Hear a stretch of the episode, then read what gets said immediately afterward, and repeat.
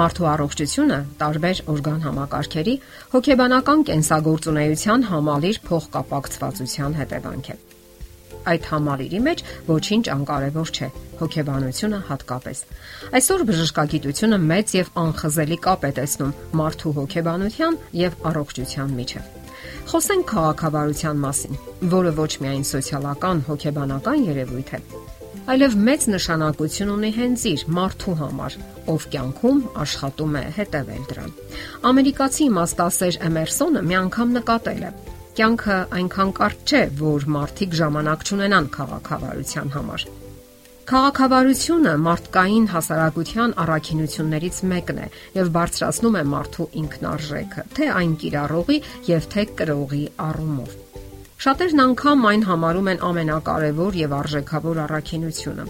Իսկ ճշմարտությունն այն է, որ դա ամենահազվադեպ առաքինություններից է եւ քչերը կարող են པարծենալ դրանով։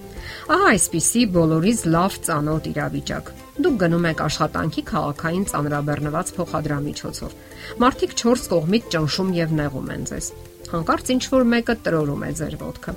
Համաձայնեք, որ դժվար է քաղաքավարի լինել այդպիսի պահերին, հատկապես եթե դուք նոր կոշիկ եք հագել կամ նոր զուգագուլպա Շատ ավելի հեշտ է պարզապես բղավել այդ ուղևորի վրա, դրանով փչացնելով թե ձեր, թե նրա տրամադրությունը ողջ օրվա ընթացքում։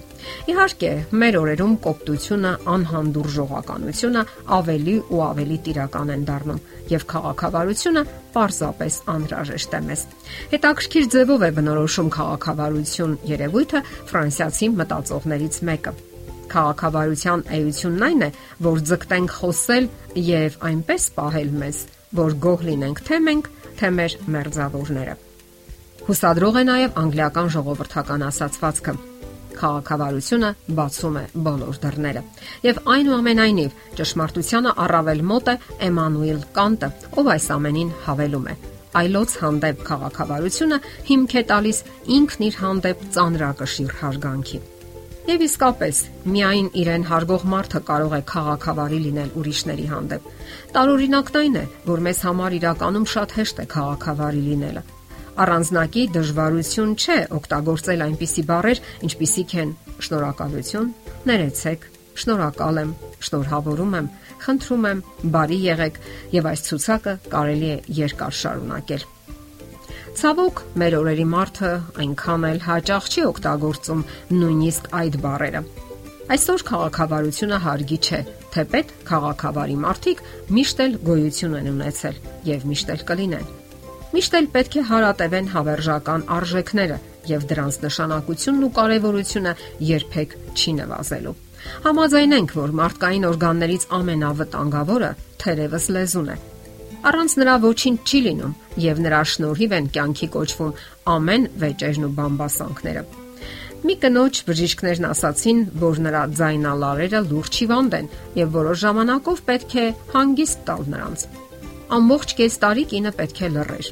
Այդ կինը ուներ մեծ ընտանիք, ամուսին եւ 6 երեխա, եւ թվում էր անհնար կլինի շփվել տան անդամների հետ։ Երբ կարիք էր լինում կանչել երեխաներին, նա փչում էր սուլիչը, իսկ երբ կարիք էր լինում ինչ-որ բան ասել, գրում էր թղթի վրա։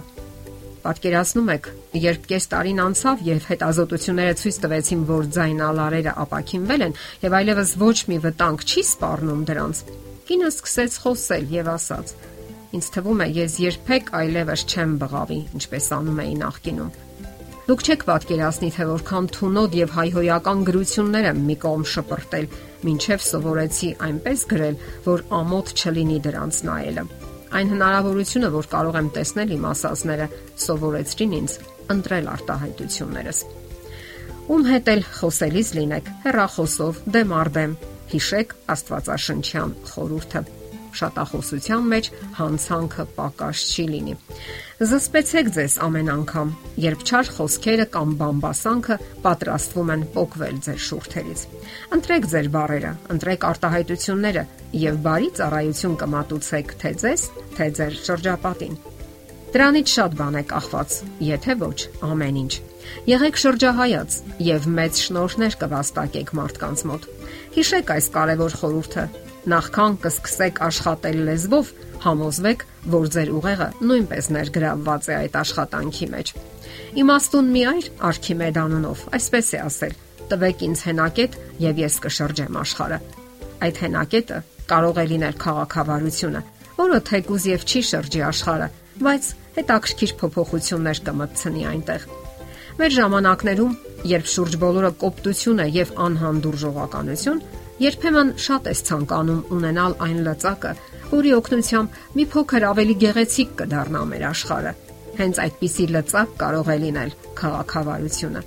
Եվ եթե նույնիսկ չփոխենք աշխարհը, մի քիչ ավելի բարի ու տանելի կդարձնենք այն։ Դե ի՞նչ, եղեք քաղաքավարի եւ առողջ։ Դրանից կշահեք թե դուք, թե ձեր մերձավորները։ Եթերում առողջ ապրելակերպ հաղորդաշարներ։ Ձեզ հետ է Գեղեցիկ Մարտիրոսյանը։ Հարցերի եւ առաջարկությունների դեպքում զանգահարեք 094 08 2093 հեռախոսահամարով։ Հետևեք մեզ hopmedia.am հասցեով։